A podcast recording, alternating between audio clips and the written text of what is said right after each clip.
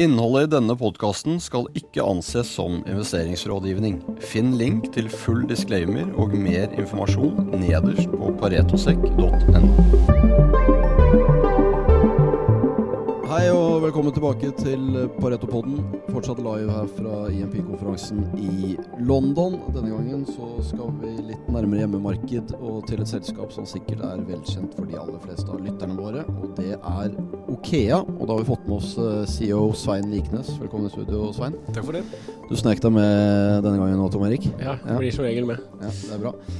Eh, litt bakgrunn på Okea. Det er jo market cap på 3,5 milliard. IPO i 2019 har en produksjon på 16 000 fat per dag.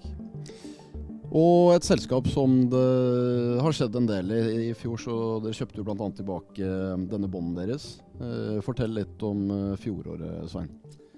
Ja, Fjoråret var jo et veldig uh, uh, hektisk år. Uh, det var jo selvfølgelig et veldig godt år, men det er jo mye basert på det dystre bakteppet som vi har i Europa. Men òg et resultat av at OKEA har posisjonert seg både når det gjelder olje og gass, og når det gjelder både operasjonell posisjon, men også finansiell posisjon til faktisk å kunne levere på det vi har sagt vi skal levere på. da.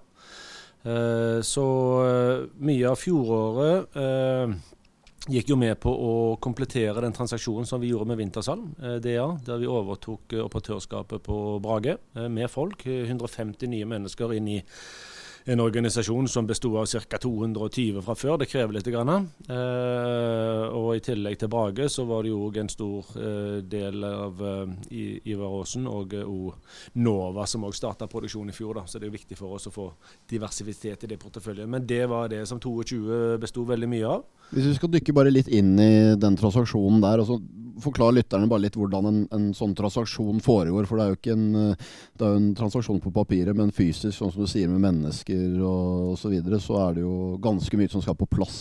Det er veldig mye som skal på plass, og så kommer det an på hvilken transaksjon det er. Og, og Det er jo både asset-transaksjoner, der du bare overtar assets fra et selskap, være hver sitt felt. Der er Eh, eierandeler i andre partneropererte felt, f.eks., som du kan overta. Eh, og så er det jo selvfølgelig fullstendig sånne company takeovers og den type prosesser. da.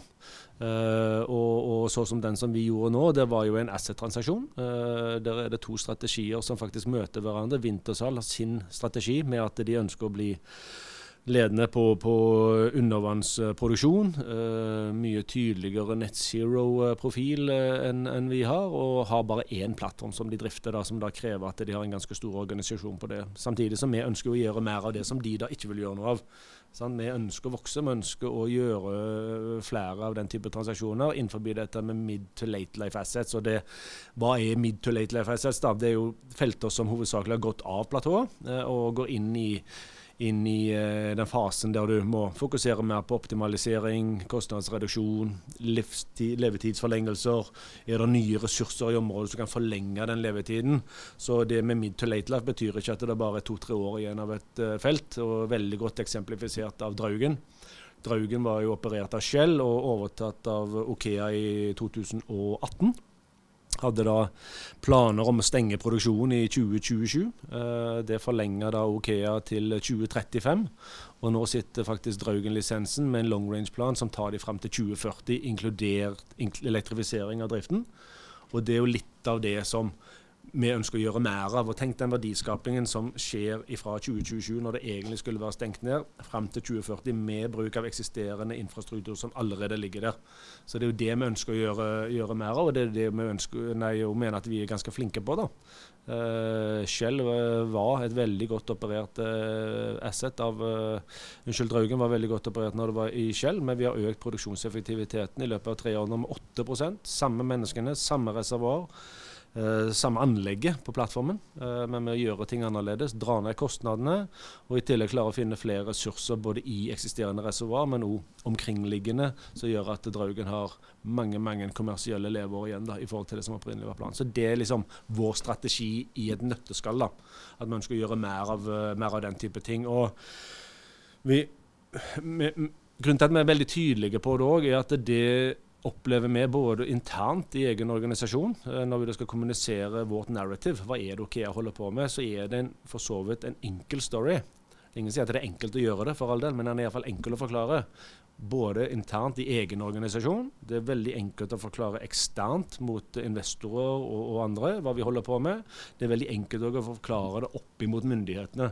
Og tilbakemeldingen vår når vi har valgt å være så tydelige på at vi skal være ledende på den biten Vi skal selvfølgelig drifte andre felt òg, men det er det vi skal være best på. Uh, så, så opplever vi iallfall at i alle de tre gruppene så resonnerer det veldig da, og er positivt. Hvordan er det eh, transaksjonsmarkedet nå i forhold til hvordan det har vært? Det er klart det har vært mye volatilitet i olje- og gasspriser. Dere har jo, jeg sa jo dere hadde 16 000 fat per dag eh, produksjon i innledningen her. Det er jo 30% gass og 60% olje, og så 10% av dette vi kaller NGL. Um, men hvordan ser du på mulighetene fremover nå i forhold til hvordan det har vært? Vil du helst ha en, en underliggende commodity som fortsetter å være veldig volatil, eller er det enklere å gjøre ting med, med litt mindre volatilitet og litt mer stabilitet i ja, jeg tror uh, For å ta det med produksjon, da, bare ta den med en gang. Nå gjorde vi den transaksjonen, så nå ligger vi og vi har guida nå fra 2023 på mellom 22 til 25 000. Så nå ligger vi daglig produksjon nå på ca. et par og 20 000. Uh, og er på vei oppover etter hvert som Yme ramper produksjon. 27 000 fat. 25 er det vel det? Ja, øh, ja, vi har i alle fall kun guida nå i 2023, og da har vi sagt mellom 22 og 25. Uh, øh, og vi ønsker at den rangen skal ligge der, så slipper vi å flytte den guiding opp og ned så lenge du fremdeles har Yme i en ramp-up-fase, uh, selv om de nå får platåproduksjon i første halvdel. Og i tillegg så, så hadde vi jo òg noe problemer med vanninjektiviteten i Nova, som vi var litt usikre på før jul. Nå fikk de jo injisert vann igjen da i romjulen, så tidligere enn det vi hadde lagt til grunn, men siden det var en viss usikkerhet usikkerheter, så valgte vi iallfall å bare gå ut med det med en gang og så si at det er mellom 22 og 25. Men det er jo klart vi har jo en målsetting om upper range der, da, selvfølgelig. Men vi får nå se hvordan året blir. Eh, så, så det er iallfall det med produksjon. Men når det gjelder det med transaksjonsmarkedet der ute Fjoråret var jo veldig ekstremt.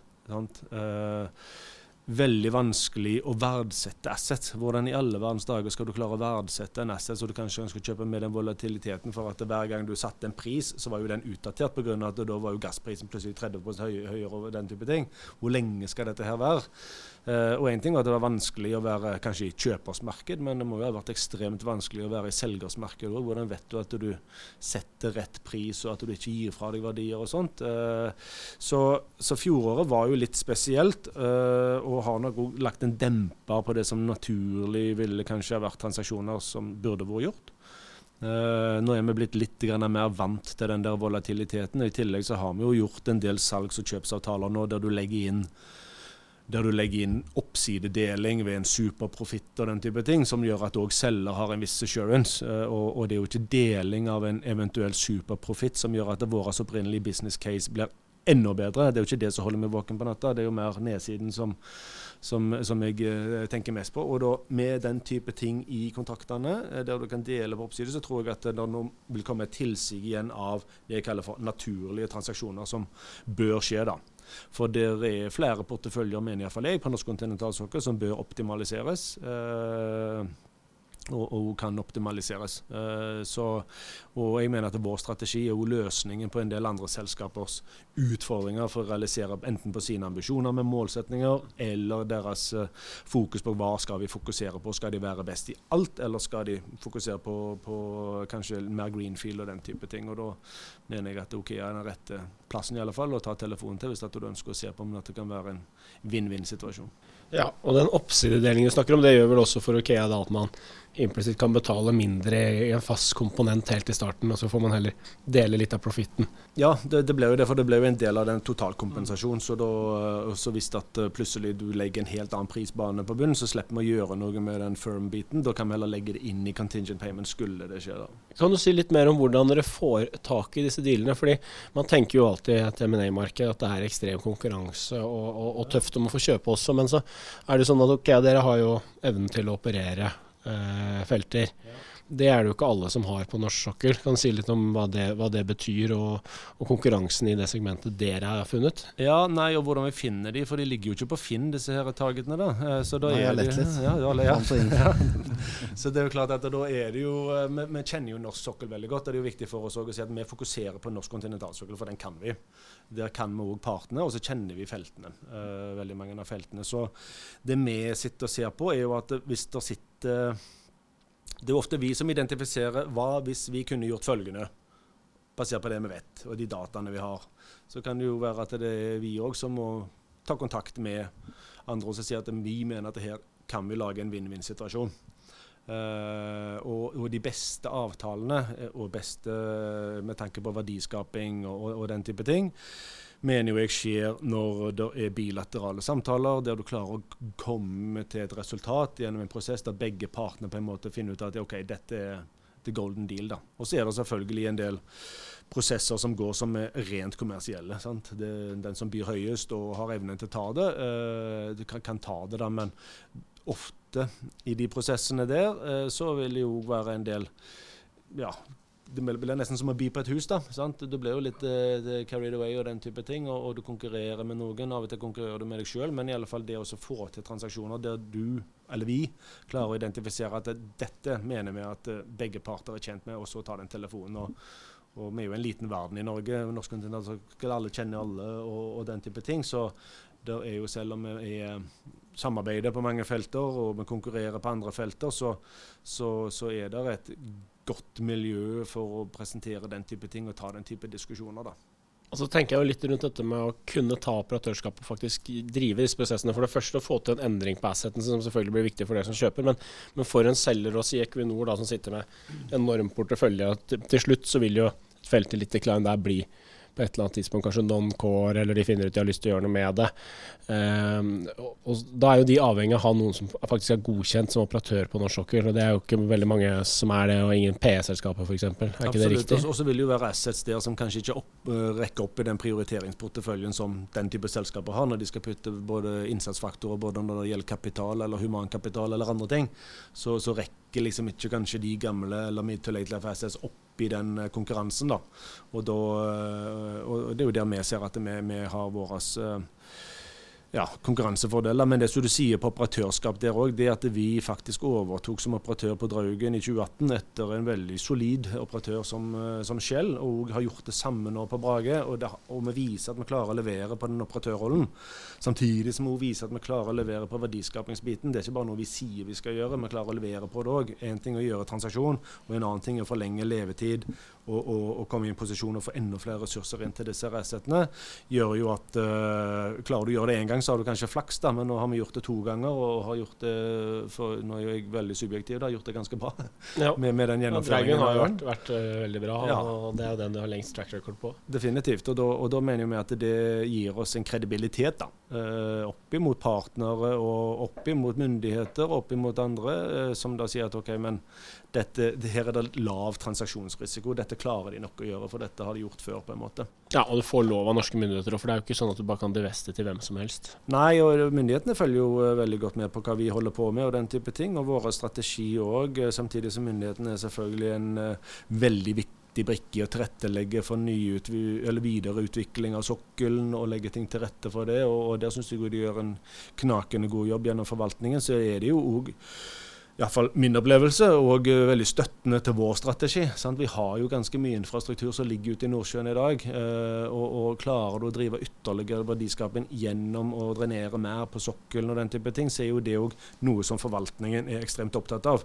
Så, eh, så jeg mener at vår strategi har truffet en sweet spot på norsk kontinentalsokkel med å være så tydelige på hva vi skal være best på. Og Hvis du ser på de neste tiåret, Eh, så, så, er det klart med noen få unntak, med Kasper, Gånåka eller Yggdrasil som heter i dag, og andre, enkelte andre felt, så vil jo mesteparten komme inn i en fase der du er på mid to late life. Så hvis vi da bruker disse neste to-tre årene til å befeste vår posisjon som den beste operatøren for denne type assets, så vil jo pipeline på norsk kontinentalsokkel komme. Eh, så lenge vi da dyrker den rollen der, så eh, Det høres jo ut som hvis du strukturerer disse avtalene på en måte som gjør at det blir flere transaksjoner, så er det jo en vinn-vinn for alle, inklusive myndighetene også. Så, ja, Det er nesten som jeg skulle sagt det sjøl. Ja. Ja.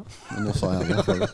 Og så er det vel ganske stort sånn verdiskapningspotensial. Du var jo inne på det selvfølgelig, å forlenge levetiden. For man tenker ofte hvis du, i hvert fall, En ting er hvis du er midlife, da kan du jo være igjen 15 år f.eks. på et stort felt. Men, eh, men hvis du begynner å bli, se, se at liksom, nå er det tre til fem år igjen, så begynner man jo å tenke på disse decommissioning-kostnadene.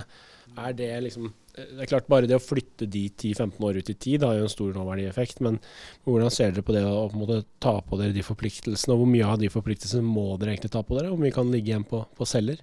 Ja, det er vel ingen formel for akkurat det, men det vi har gjort på de to transaksjonene som vi nå har gjennomført, da, så har jo vi lagt 80% av eh, fjerningskostnadene igjen hos operatøren. Eller selgeren, da. De som Ja. solgte, solgte S-en. Det gjorde vi på Draugen. Eh, sånn at eh, vi har jo da en fjerningskostnad, men i balansen så har vi jo òg at vi kan sende det videre til eh, Shell, som da skal betale for 80% av dette, pluss noe mer på toppen av det. Og det samme konstruksjon gjorde vi òg i denne her eh, dealen vi gjorde nå med Vintersal. eh, DA. Så det er en veldig viktig del for dette med ABEX-kostnader som kommer om 10-15 år. Det med nøyaktigheten i den type ting er jo alltid behefta med en viss usikkerhet. da. Så for oss eh, så har jo det vært viktig at eh, har du drifta et felt i, og trukket ut 80% av verdiskaping som har ligget i et felt over de siste 20 årene, så er det òg rett og rimelig at da sitter du med ansvar òg for den der fjerningsbiten, der, og så legger vi det inn i prisinga. Så det er, ikke, det er ikke der avtalene strander, på den biten der. Det er Nei, og, men det er jo en av de parametrene som alltid uh, blir diskutert. sant? Eh, nå har jo vi landa på 2080 cirka på de to dealene vi har gjort, og om 70-30 er det rette på en annen, eller 50-50. I don't know. Er det en asset som har kanskje 15 år igjen, så er det rett og rimelig at vi sitter med litt mer av den arbeidsgjengen. For da har jo vi tross alt vi jo vært der en del år, da. Eh, sant? Så, så derfor eh, er jo det et, et element som varierer litt når du sitter og diskuterer dette. Men når du også sier hvor mye kan du la ligge igjen da hos selger, så, så, så er det jo et Myndighetene òg, og vi òg for så vidt, er jo opptatt av at den som da sitter og drifter det, skal òg ha et insentiv for å gjøre dette så effektivt og rimelig som måte som mulig. da. Så Derfor eh, det å ikke ha noe som helst av fjerningsforpliktelser når du overtar et asset, det liksom, tror jeg ikke er realistisk. Eh, men vi har landa på at vi sitter med 20% på, på to av assetene, så, så er det ingen fast formel på det. da. Men en veldig viktig del av når vi evaluerer og kjører due diligence på disse prosjektene, assetene eller hva som helst, undergrunnsrisiko, fjerningsrisiko, oppsidepotensialet, men òg selvfølgelig nedsidepotensialet. Det er jo et risikobilde som vi bruker ganske mye tid på å evaluere da, før vi går inn i det. For Okea tar ikke assets Okea er ikke en dumping ground for assets som ikke har noen videre verdiskapning. bare så det klinkende klart, Og vi er heller ikke et decommissioning-selskap. Uh. Selv om at vi òg skal være den mest effektive på decommissioning den dagen det kommer, så gjør jo ikke vi dette pga. at det er det vi skal holde på med. Vi gjør jo det for å forlenge levetid, få ned kostnadene og, og få ut så mye verdiskapning som mulig fra disse assetene.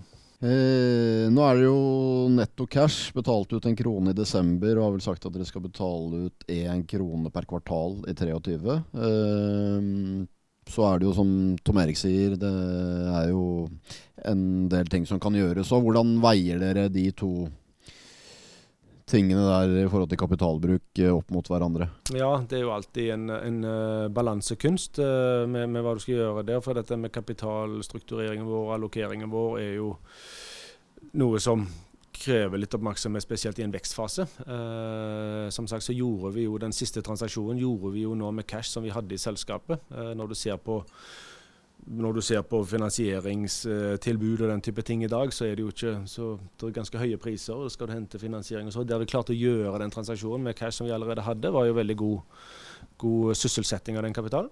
Eh, og i fjoråret var jo det første året som Okea var i en posisjon til å betale utbytte i det hele tatt. Så da begynte vi vel med 0,9 tror jeg det var kroner i Q2, og så fortsetter det med en krone i Q3 og en krone i Q4, da, som da faktisk var det maksimale som vi hadde anledning å betale i fjor. Men det å, når vi da introduserte en utbytteplan som vi da sa vi skulle gjøre, som vi gjorde i fjor, eh, etter mange spørsmål, så var det jo viktig for meg også at når vi legger den fram, at det er en viss forutsigbarhet igjen.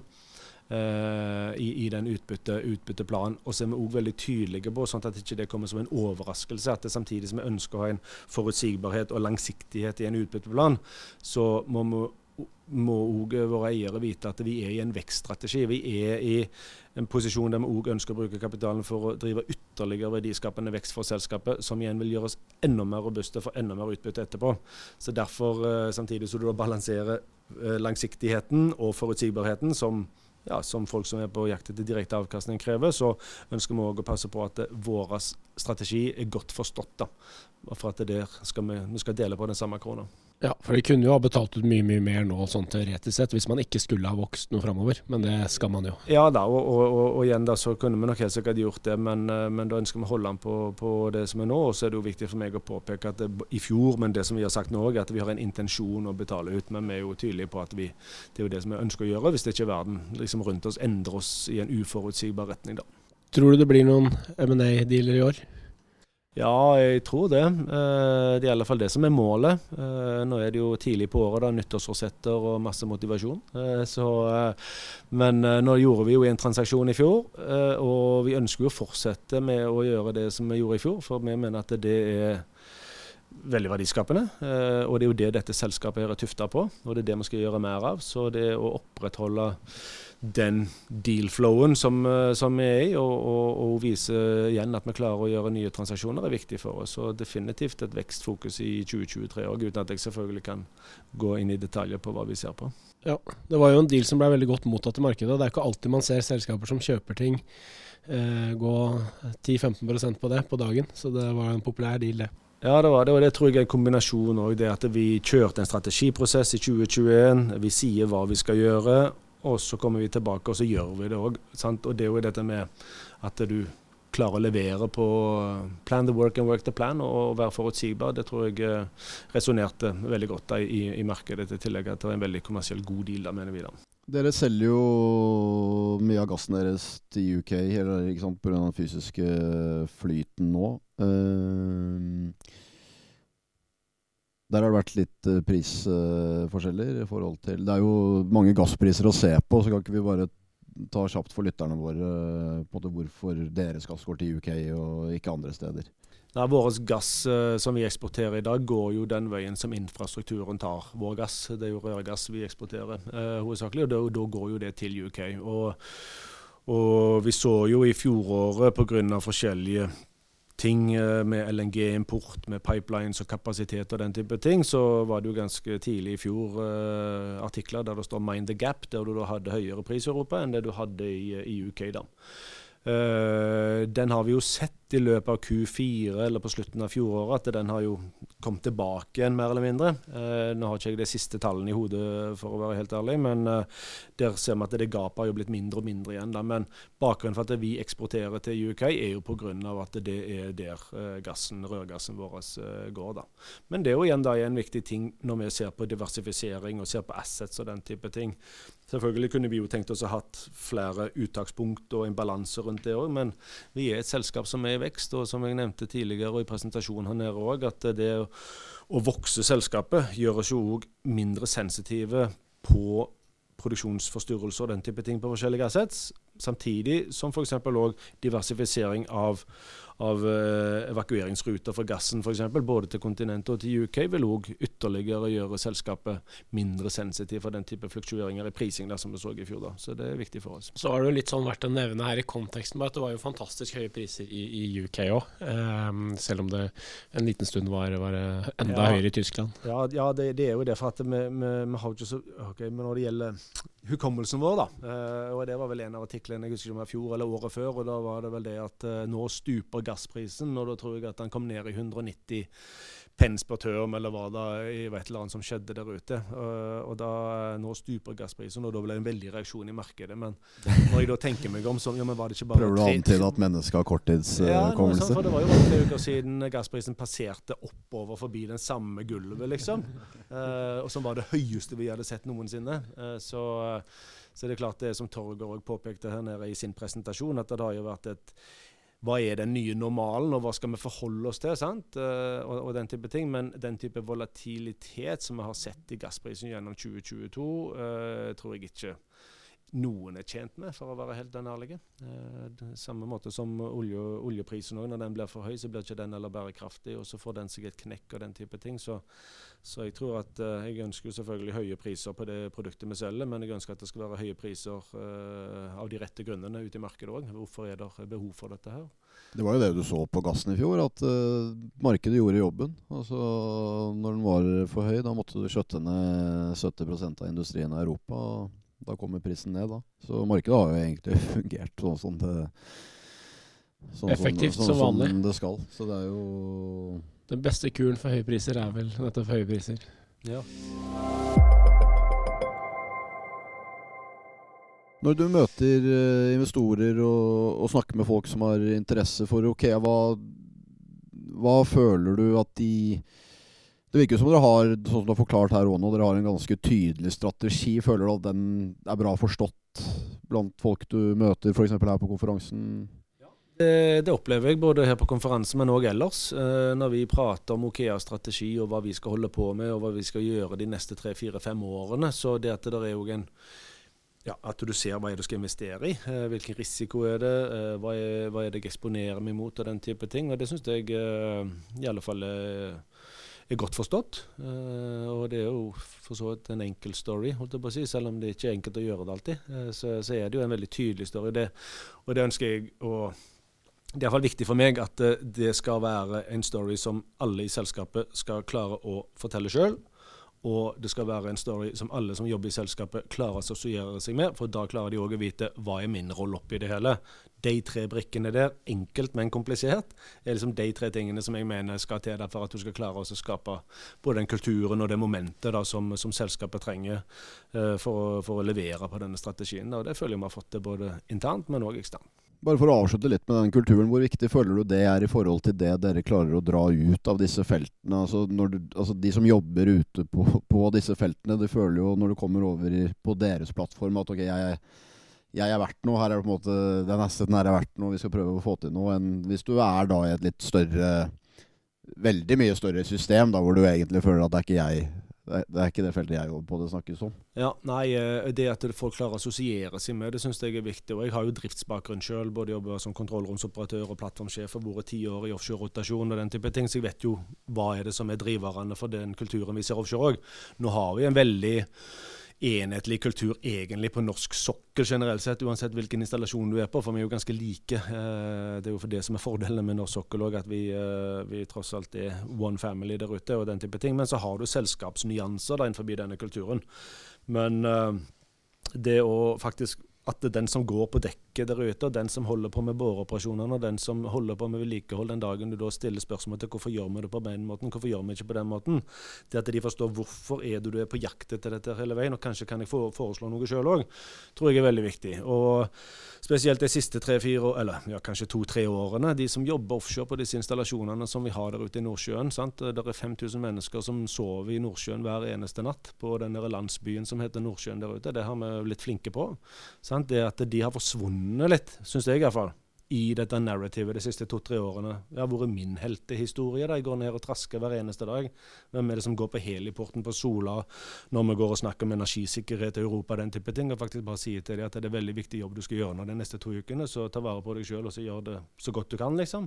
Og det resonnerer hos oss, da. Så den der stoltheten med at ja, dette skal jeg jaggu meg være med på, dette skal jeg være med og gjøre enda bedre, den uh, opplever jeg at det går rett hjem, da. Både på de som vi har på, på Draugen, og de som vi nå har fått ifra fra Vintersal, som har en lang historie på, på, på Brage-plattformen. Og, og, det er folk som har jobba der i årevis. Eh, på Draugen nå så er vi ti personer igjen i klubben som begynte på Draugen i 1993. Eh, det er faktisk 30 år siden. Og når jeg tenker tilbake til 93 sjøl, så har det skjedd ganske mye. Men her har du jobba, her har du holdt dette anlegget gående. Så dette kan de, sant? Og på, på, Brage der tror jeg faktisk de er nede jeg tror det var fem mann igjen i denne klubben. Også. Nå skal vi jo feire 30-årsdag for begge disse resettene i, uh, i uh, løpet av høsten. og Det ble en sånn fellesfeiring. Men uh, når det gjelder det kulturelle, det å være veldig tydelig på at det er dette vi holder på med, det er dere vi snakker til, og det er dere som skal levere på jobben, det forenkler jo både min jobb for å klare å skape den kulturen som du nevnte. Jeg tror vi lar det være siste ord. Pareto dekker jo Okea. Den eh, analysen og alle forhenværende analyser av Okea det kan dere selvfølgelig finne på online.paretosek.com. Svein, ekstremt eh, hyggelig å ha deg i studio, og hyggelig at du tok eh, turen over til London for å være med på konferansen. Og eh, takk for at du snek deg med, Tom Erik. Takk for det. Vi minner om at denne podkasten ikke inneholder investerings- eller annen type rådgivning. Handel i verdipapirer medfører til enhver tid risiko, og historisk avkastning er ingen garanti for fremtidig avkastning. Pareto Securities er verken rettslig eller økonomisk ansvarlig for direkte eller indirekte tap, eller andre kostnader som måtte påløpe ved bruk av informasjon omtalt i denne podkasten. Finn link til full disclaimer og mer informasjon nederst på paretosek.no.